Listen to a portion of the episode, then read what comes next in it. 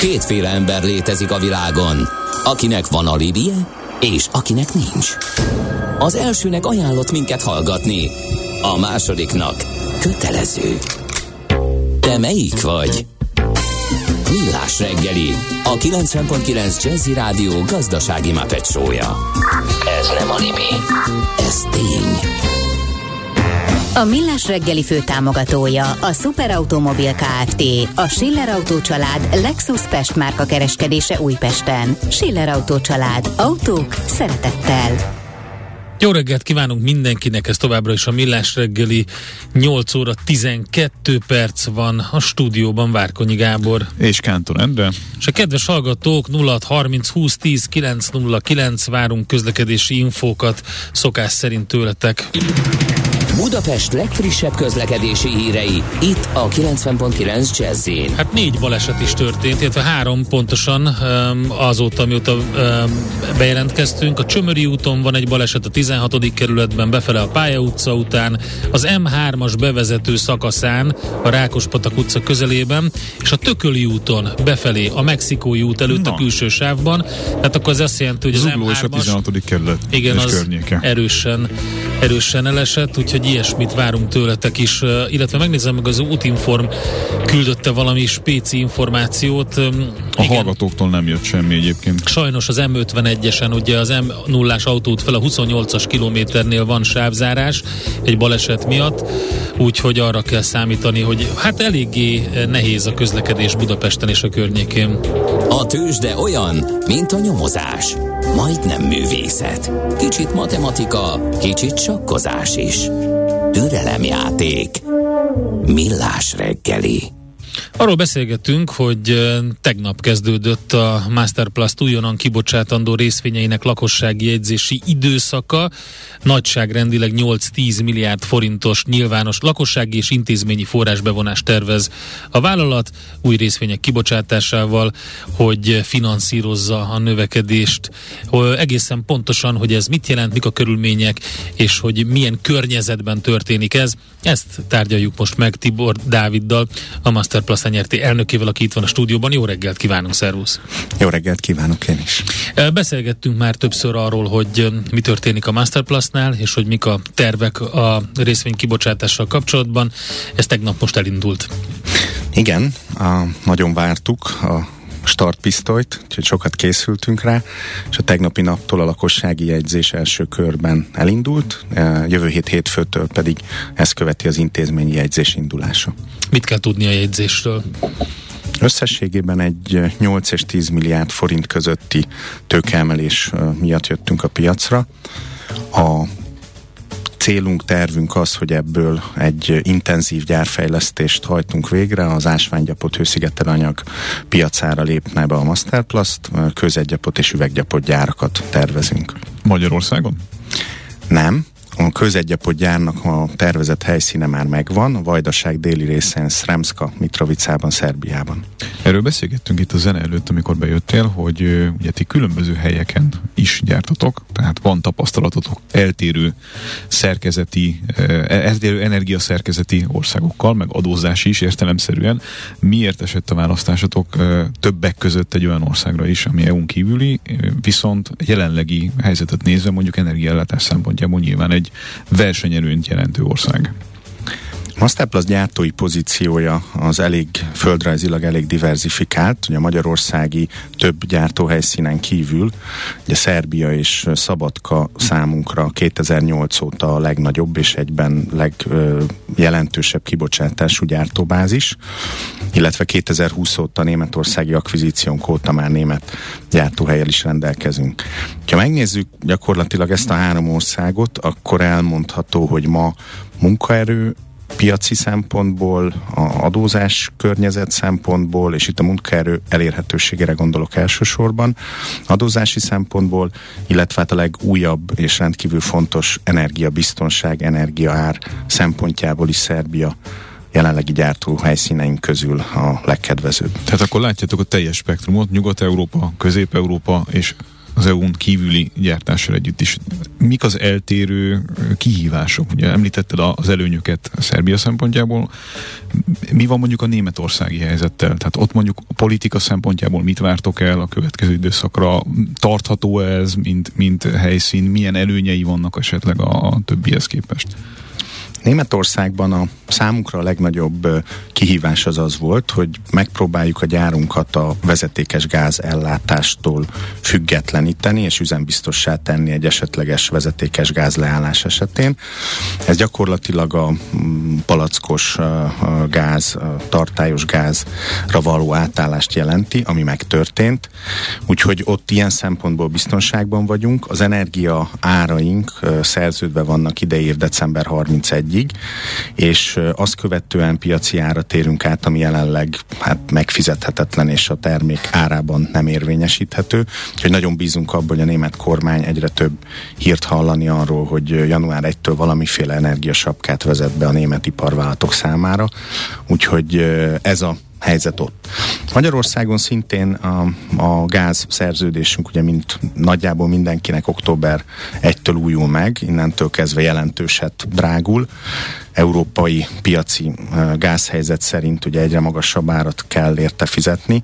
Ez nagyon nehéz kigazdálkodni, de azt látom, hogy itt is a kormány lehetőségeihez képest, amik azért tudjuk, hogy szűkek, dolgozik azon, hogy KKV szinten és nagyvállalatok szinten is valamiféle energiártámogatást, vagy egy energetikai beruházást segítő támogatást indítson el. De hát a legkedvezőbb az egyértelműen a három régió közül Szerbia, ahol központi, nem piaci alapú, részben állam, részben a Gazprom tulajdonéva tulajdonában lévő szolgáltató vállalat a belföldi gázellátó az iparnak és a lakosságnak, illetve villamos energiára is az európai áraknak jelenleg, piaci áraknak jelenleg a nyolcadán, gázáraknál ez konkrétan 26-28 eurós gázárat jelent, amennyiért most is kapjuk a, az energiát és nem beszélve arról, hogy ott nincsen jelenleg, vagy legalábbis nem reális az a rizikó, hogy maga az ellátás az, az megtörjön.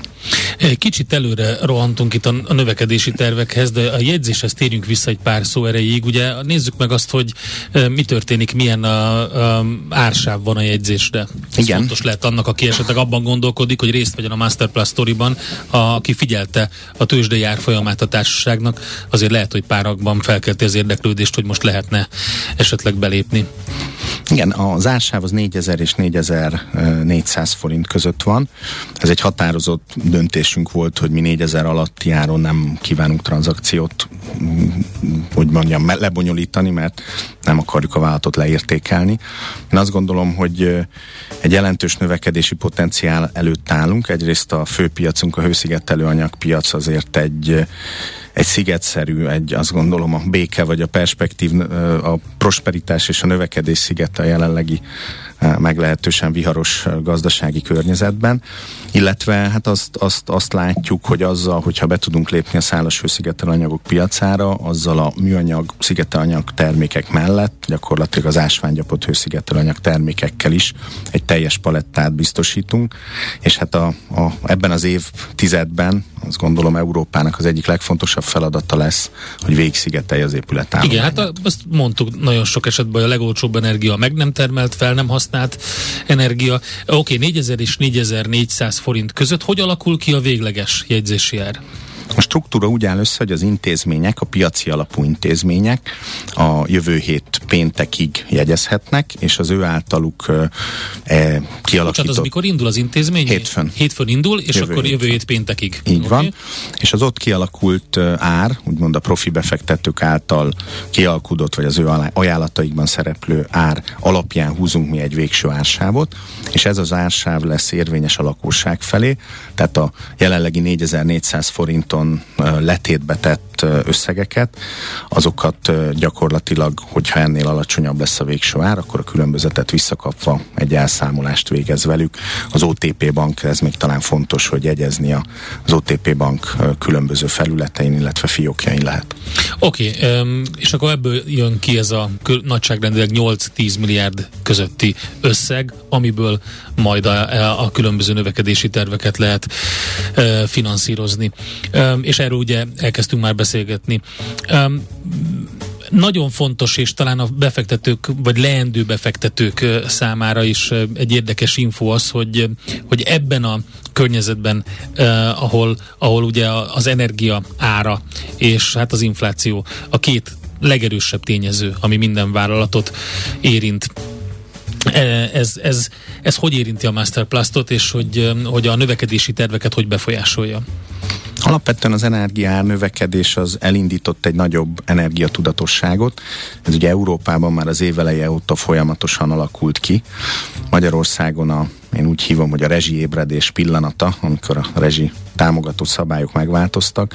Azóta nyilván a lakosság és a különböző vállalati intézményi döntéshozók is az energia, energiát egy stratégiai kérdésnek tekintik.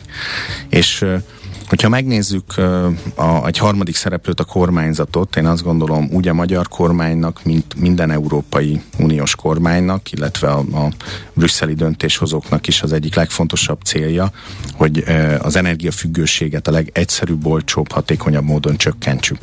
Én minden hogy mondjam, olyan próbálkozást, ami alternatív energia beruházások révén próbálja ezt az energia függőséget csökkenteni, természetesen jónak tartok, de ilyenkor azért fölteszem a kérdést, hogy a sokkal egyszerűbb, olcsóbb, gyorsabban megvalósítható, úgymond energiapazarló épületeknek a szigetelése az, az valahol véleményem szerint a priorizálási sorrendben elő kell, hogy legyen, és mi tulajdonképpen erre építünk, ezért mondjuk azt, hogy ez az évtized a hőszigetelés évtizede lesz. Hát biztos, mert ugye ez téli-nyári időszakot egyaránt érint, és láttuk, hogy az előrejelzések szerint az a nyár, ami most elmúlt, az egy ilyen, hát az valószínűleg egy ilyen um, sima nyárnak fog elmenni az elkövetkezendő tíz évben. Jó, az, hogy a, jelenlegi be, um, tőkebevonással, vagy részvénykibocsátással um, az milyen távlatban látja uh, hasznosulni a Masterplus, arról fogunk majd beszélgetni a továbbiakban. Itt van velünk a stúdióban Tibor Dávid, a Masterplus tenyerté elnöke. Hamarosan folytatjuk a beszélgetést.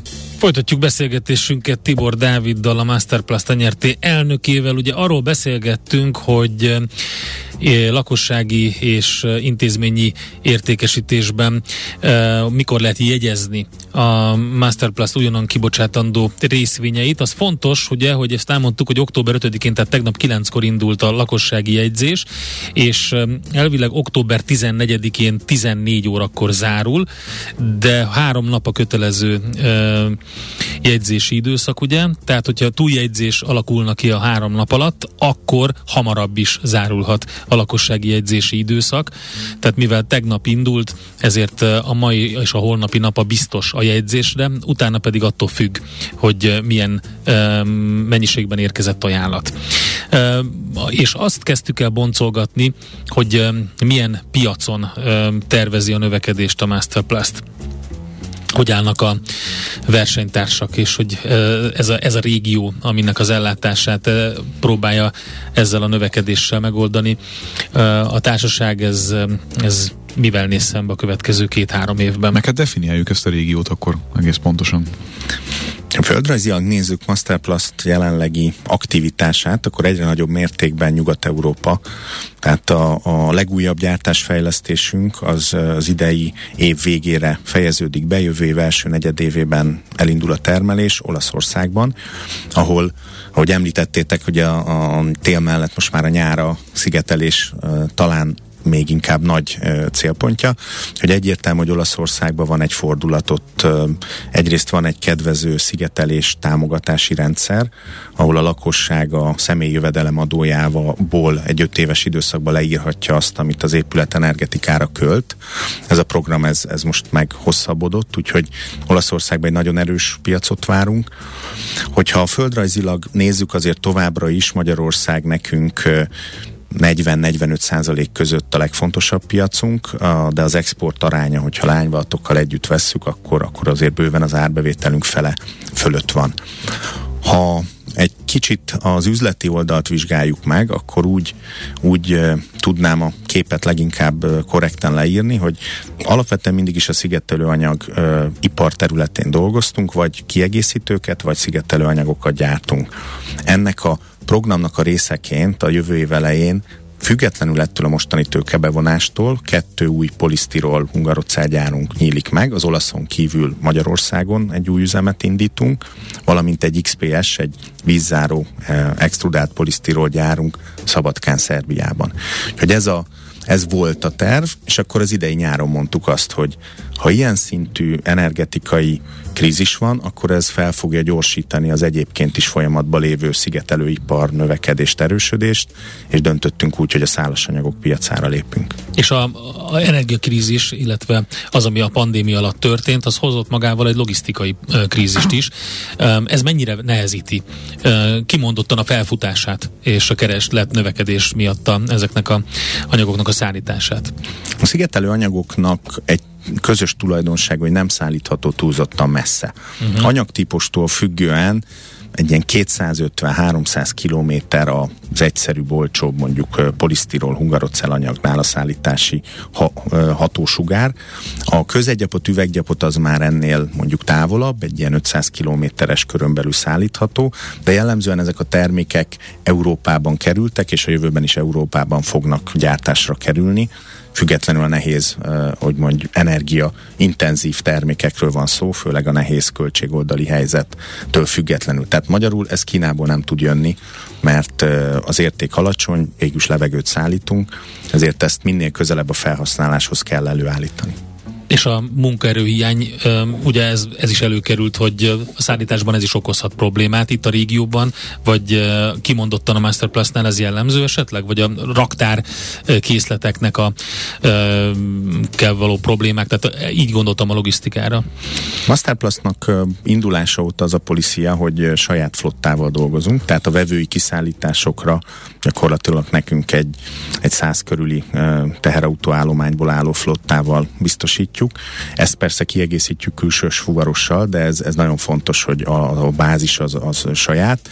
Illetőleg azt is, az is mindig az üzletpolitikánk része volt és maradt, hogy egy magasabb készletállományjal azért próbáljuk ezeket az alapanyagbeszerzési nehézségeket, piaci ingadozásokat áthidalni, úgyhogy a szállítási biztonság az az átlagnál, vagy a versenytársakénál magasabb. Meg, mekkora piacról beszélünk itt összesen? Tehát, hogyha csak a magyarországi ö, ö, piacot nézzük, nem túlzottan jó az általános helyzete az ingatlanoknak. Tehát előregedett ingatlan park van, nem túl jól őszigetelt ingatlan park van. Úgy tűnik, mintha idézőjelben egy végtelen piac lenne, amit a következő években meg lehet dolgozni. Ezt jól látjuk, vagy, vagy, vagy azért itt már egy picit elnyaltabb a kép? Igen, ez egy óriási piac. Euróban nem is tudtuk felmérni annyira kvázi szerteágazó. Azt látjuk, hogy Magyarországon az épületállománynak jelenleg körülbelül a 75-80 százaléka van szigetelve kielégítően. A, a, a, bocsánat, tehát 20 százaléka, 25 százaléka van szigetelve kielégítően, és, és 75-80 százaléka pedig, pedig nincsen, Nincs. vagy sem ennyire, vagy pedig nagyon elavult szigeteléssel.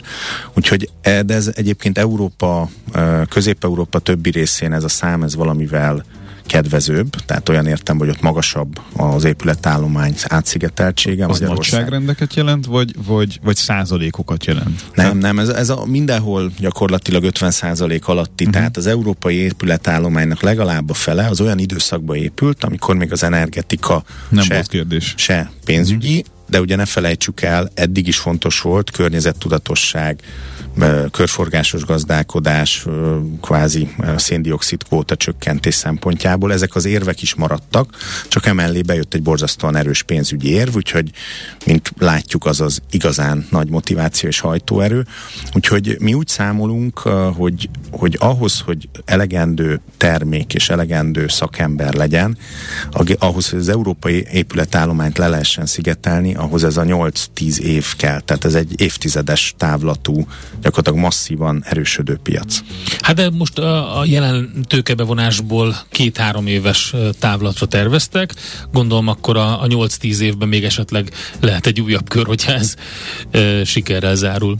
Így van, a, a meginduló gyáraink, ugye amiket, amikről már a tavalyi évben hoztunk döntést, és a jövő év elején indulnak, azok ezt a hullámot meglovagolják. Ugye a két uh, ásványgyapot gyárindulásunk, az még ebben a stratégiai számsorban, amiben ugye azt mondtuk, hogy három év alatt mi meg fogjuk duplázni az árbevételünket, az idei évre várható 225 millió euró körüli szintről egy, 200, egy 450 millió euró szintre növekedünk.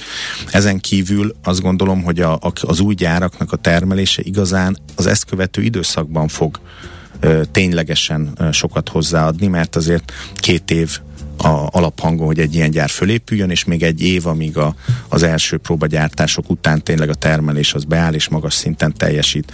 Azaz ténylegesen így gondolkodunk, hogy, hogy a 2025 és 30 közti időszakban fog ez igazán meredeken tovább nőni. És hogyha minden a tervek szerint halad, akkor ugye, ahogy hallhattuk is ebben a közép-kelet-európai régióban egyedüliként lesz a Masterplast, aki egy teljes vertikumot tud adni a műanyag és a szálas hőszigető anyagoknak a um, termékkínálatában. Azt gondolom ez egy nagy versenyelőny lesz. Tehát az, hogy egyrészt a azok a multinacionális vállalatok, akik jelenleg a közegyapot, üveggyapot piacát uralják, sokkal inkább Nyugat- és Dél-Európára koncentrálnak, fejlesztenek. A közép-európai régió, a, és kifejezetten a balkáni régió, az kiesik egy kicsit a, a fókuszból, a látószögből. Miben más ez egyébként, ha már itt említetted, hogy, hogy nyugat-európai régióra fejleszt a konkurencia? Mi, mi az, amivel jellemeznéd ezt a térséget és a Balkánt, ami más igények olcsóbb, gondolom, vagy, vagy eltérő épületállomány miatti adaptáció, vagy mi az, amiben ezt megfognád? Két alapvető ok van, az egyik valóban az építési kultúra, tehát hogy milyen típusú hőszigetelő anyagokat és milyen típusú építkezési módot használnak. Angliában vagy a Benelux államokban nagy divat az előtét falas építkezés. Ha emlékszünk, ezek a kis vöröstéglás angol uh-huh. házak, ott nem egy vakulat van a homlokzaton, hanem egy előtétfal, és mögé egy másfajta szigetelést érdemes tenni. Tehát ilyen szempontból van egy szakmai különbség is a piacok között, de a lényeges ok nem ez. A lényeges ok az, hogy Nyugat-Európában is borzasztóan erősen és gyorsan növekszik a hőszigetelő anyagok iránti igény, és ezeknek a vállalatoknak jellemzően ott van a legerősebb szerepük, ott van a legerősebb piacrészük, és ugye mindenhol nem tudnak egyszerre fejleszteni, úgyhogy erre koncentrálnak. Én azt gondolom, hogy mind a, a úgymond visegrádi országok, amik nekünk a kulcspiacaink, mint pedig a volt Jugoszláviával félmjelzett Balkán, hozzácsapva mondjuk Romániát, Bulgáriát, ez egy kiváló növekedésű térség lesz, ahol a szigeteltség, az épületek szigeteltsége alacsonyabb, mint Nyugat-Európában. Az új ingatlan beruházás és a felújítás aránya az hogy néz ki egyébként a keresletben? Összességében a, a tavalyi éveket, ha, vagy az előző éveket, ha nézzük, akkor fele-fele arányban fogyott, de mi arra számítunk, hogy ebben a gazdasági környezetben ilyen hitelkamatok mellett gyakorlatilag az új lakásépítés biztosan visszaesik, az irodaházépítések biztosan visszaesnek, a kereskedelmi ingatlanok biztosan visszaesnek, egyedül az ipari ingatlanok, és hát a számunkra kiemelkedően fontos energetikai felújítás az, ami hajtani fogja a piacot. Viszont az új lakásoknál is azért van egy olyan trend, hogy ugyanaz a négyzetméter sokkal több köbméter hőszigetelanyagot tartalmaz. Egyszerűen a azóta életbe lépett energetikai előírások, meg a vevők igénye is ma már az, hogy alacsony rezsijű legyen az az újonnan átadott lakás. Magyarul kevesebb négyzetméterre több hőszigetelőanyag fog fogyni. Hát izgalmas időszak, e, arról beszélgettünk, tehát és nagyon szépen köszönjük, hogy itt voltál a stúdióban. Tibor Dávid, a Masterplast nyerté elnöke volt vendégünk, hogy indult a lakossági jegyzés az újonnan kibocsátott, kibocsátandó részvényekre. Ez most az biztos, hogy három napig biztosan tart, tegnap indult, de egyébként pénteken, pénteken 14 óráig tart ez a lakossági rész, aztán jövő hétfőtől péntekig az intézményi, utána kialakul az, hogy mi lesz az árfolyam 4000 és 4400 forint között. Aki felkeltettük az érdeklődését, az tud érdeklődni, gondolom a, a honlapra beírja, vagy pedig az interneten bárhova, hogy Masterpass jegyzést. Köszönjük szépen! Köszönjük! Sok sikert! Köszönöm szépen! A Millás reggelit nem csak hallgatni, de nézni is lehet. millásreggeli.hu Műsorunkban termék megjelenítést hallhattak. Aranyköpés a millás reggeliben. Mindenre van egy idézetünk. Ez megspórolja az eredeti gondolatokat. De nem mind arany, ami fényli. Lehet kedvező körülmények közt gyémánt is. Hát egy szomorú apropóból idézünk, 7 éve hunyt el Gönc Árpád, több nagyon jó dolog mellett egy megfontolandót is, több megfontolandót, de talán a manapság ez nagyon érdekes mondás. Azt mondta, a hatalomhoz való viszonyunk az, amin megmérettetünk. Azon, hogy ki mire használta, és hogyan.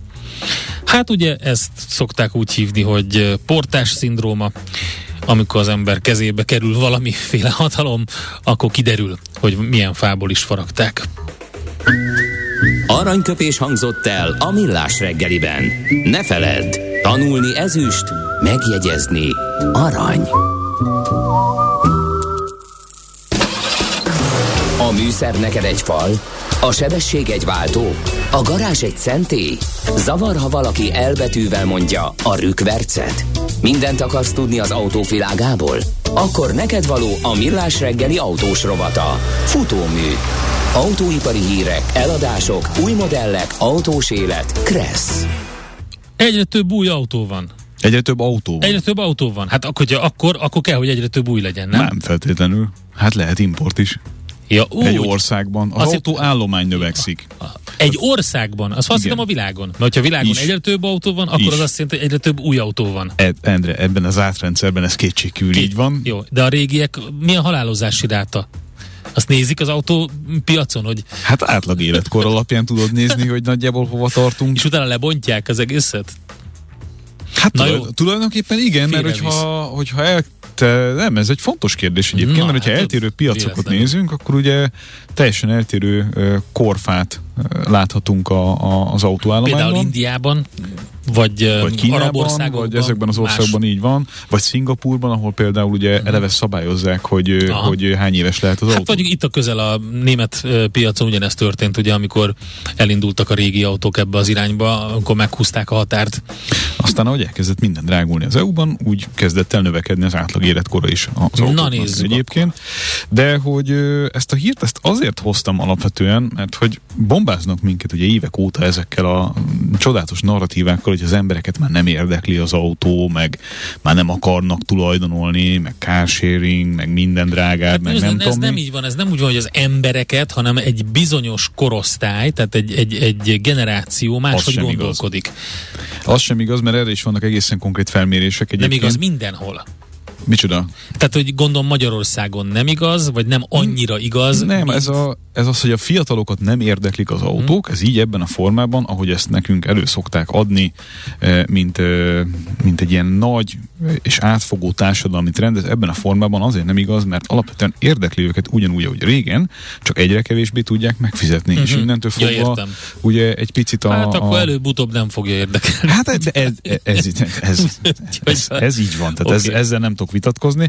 Ami viszont érdekes, hogy ugye az összes alternatív közlekedési eszköz mellett is az autó fontossága, mint elsődleges individuális mobilitást biztosító mm-hmm. eszköz, az nem csökkenő tendenciát mutat, hanem növekvő tendenciát mutat. Hát, Tehát szeretjük igen, a biciklit, mm-hmm. szeretjük a tömegközlekedést, szeretjük a vonatot, mindent szeretünk, feltéve, ha van saját autó. De jobban szeretjük a kényelmet. Így van és ez szerintem teljesen rendben is van.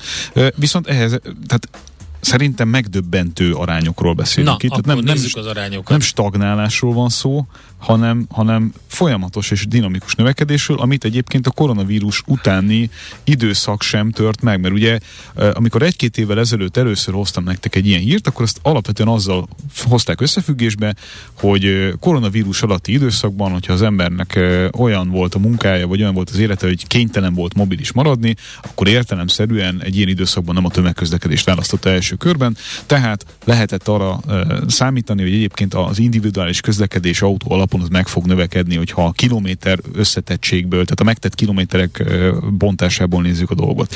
Most Németország a, az EU legnagyobb gazdasága, egy klasszikus autós ország, ennek ellenére egyébként csupán a nyolcadik, hogyha az autósűrűséget nézzük. Tényleg? Tök érdekes. Na. Én se gondoltam Hol volna. ki az első? Luxemburg.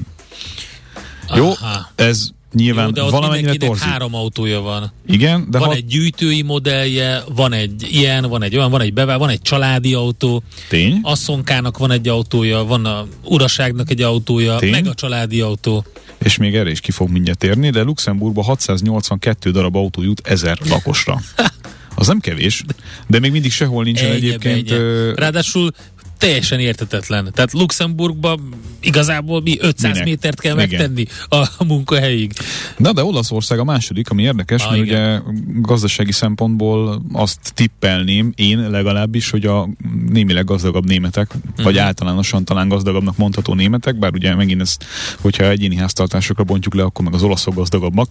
Szóval ők 670 darab autóval rendelkeznek 1000 lakosra bontva, és képzeld el, hogy Lengyelország a, a, az élmezőnyben 604 darab autóval. Uh-huh. Ez, ez nagyon-nagyon sok. Tehát ezt Lengyelország szempontjából abszolút nem mertem volna gondolni. Biztos, hogy benne van egyébként itt az is, hogy adózási szempontból az autótartás az uh-huh. mennyire van megnehezítve, vagy mennyire van megkönnyítve, mert hogy egyébként Közép-Kelet-Európában az adózásra, vagy bocsánat, az autózásra jutó adózási terhek mértéke az még mindig kifejezetten kedvezőnek számít Nyugat-Európával összehasonlítva. Németországban egyébként egy év alatt 300 ezer autóval növekedett az autóállomány. 48,5 millió autó van ö, most. Itt 2021-ben... megoszlik, a, tehát itt lehet tudni, hogy mi az elektromos autók aránya? Ja, még mindig, visz, tehát az összhöz képest még mindig viszonylag elenyésző, az új autó eladásban viszont ugye dinamikusan nő. Jó, igen, csak arány. itt a teljes állományhoz képes gondolsz. Fejből tudom, az Egyesült Államoknak ilyen 1% környéke, a Értem. németeknél szerintem ennél, ennél magasabb lehet, ezt meg kéne néznem, de, de nem akarok hülyeséget mondani. A- Az új autó eladásokban a nagyon-nagyon látható arányt képviselnek már. Ö, 580 darab autóról beszéltünk a tavalyi évben, 1000 főre lebontva, ez 10 év alatt egy elég szignifikáns növekedés, mert hogy 517-ről indultunk, és a háztartások 77%-ának van legalább egy autója, a 27%-ának, ez 4%-os növekedés, két autója, és ami a legnagyobbat ö, ö, nőtt, az pedig a harmadik autóval rendelkező háztartások száma, ami, nem akarok hülyeséget mondani, azt hiszem, hogy 2 százalék környékéről ment föl 6 százalék környékére, de ezt mindjárt, ezt mindjárt gyorsan megnézem. Nem, bocsánat, 3,7 százalékról ment föl 6,1 százalékra a három autóval rendelkező háztartásoknak az aránya. Kelet-Közép-Európában találhatóak azok az országok jellemzően, amelyek a legkisebb autósűrűséggel rendelkeznek.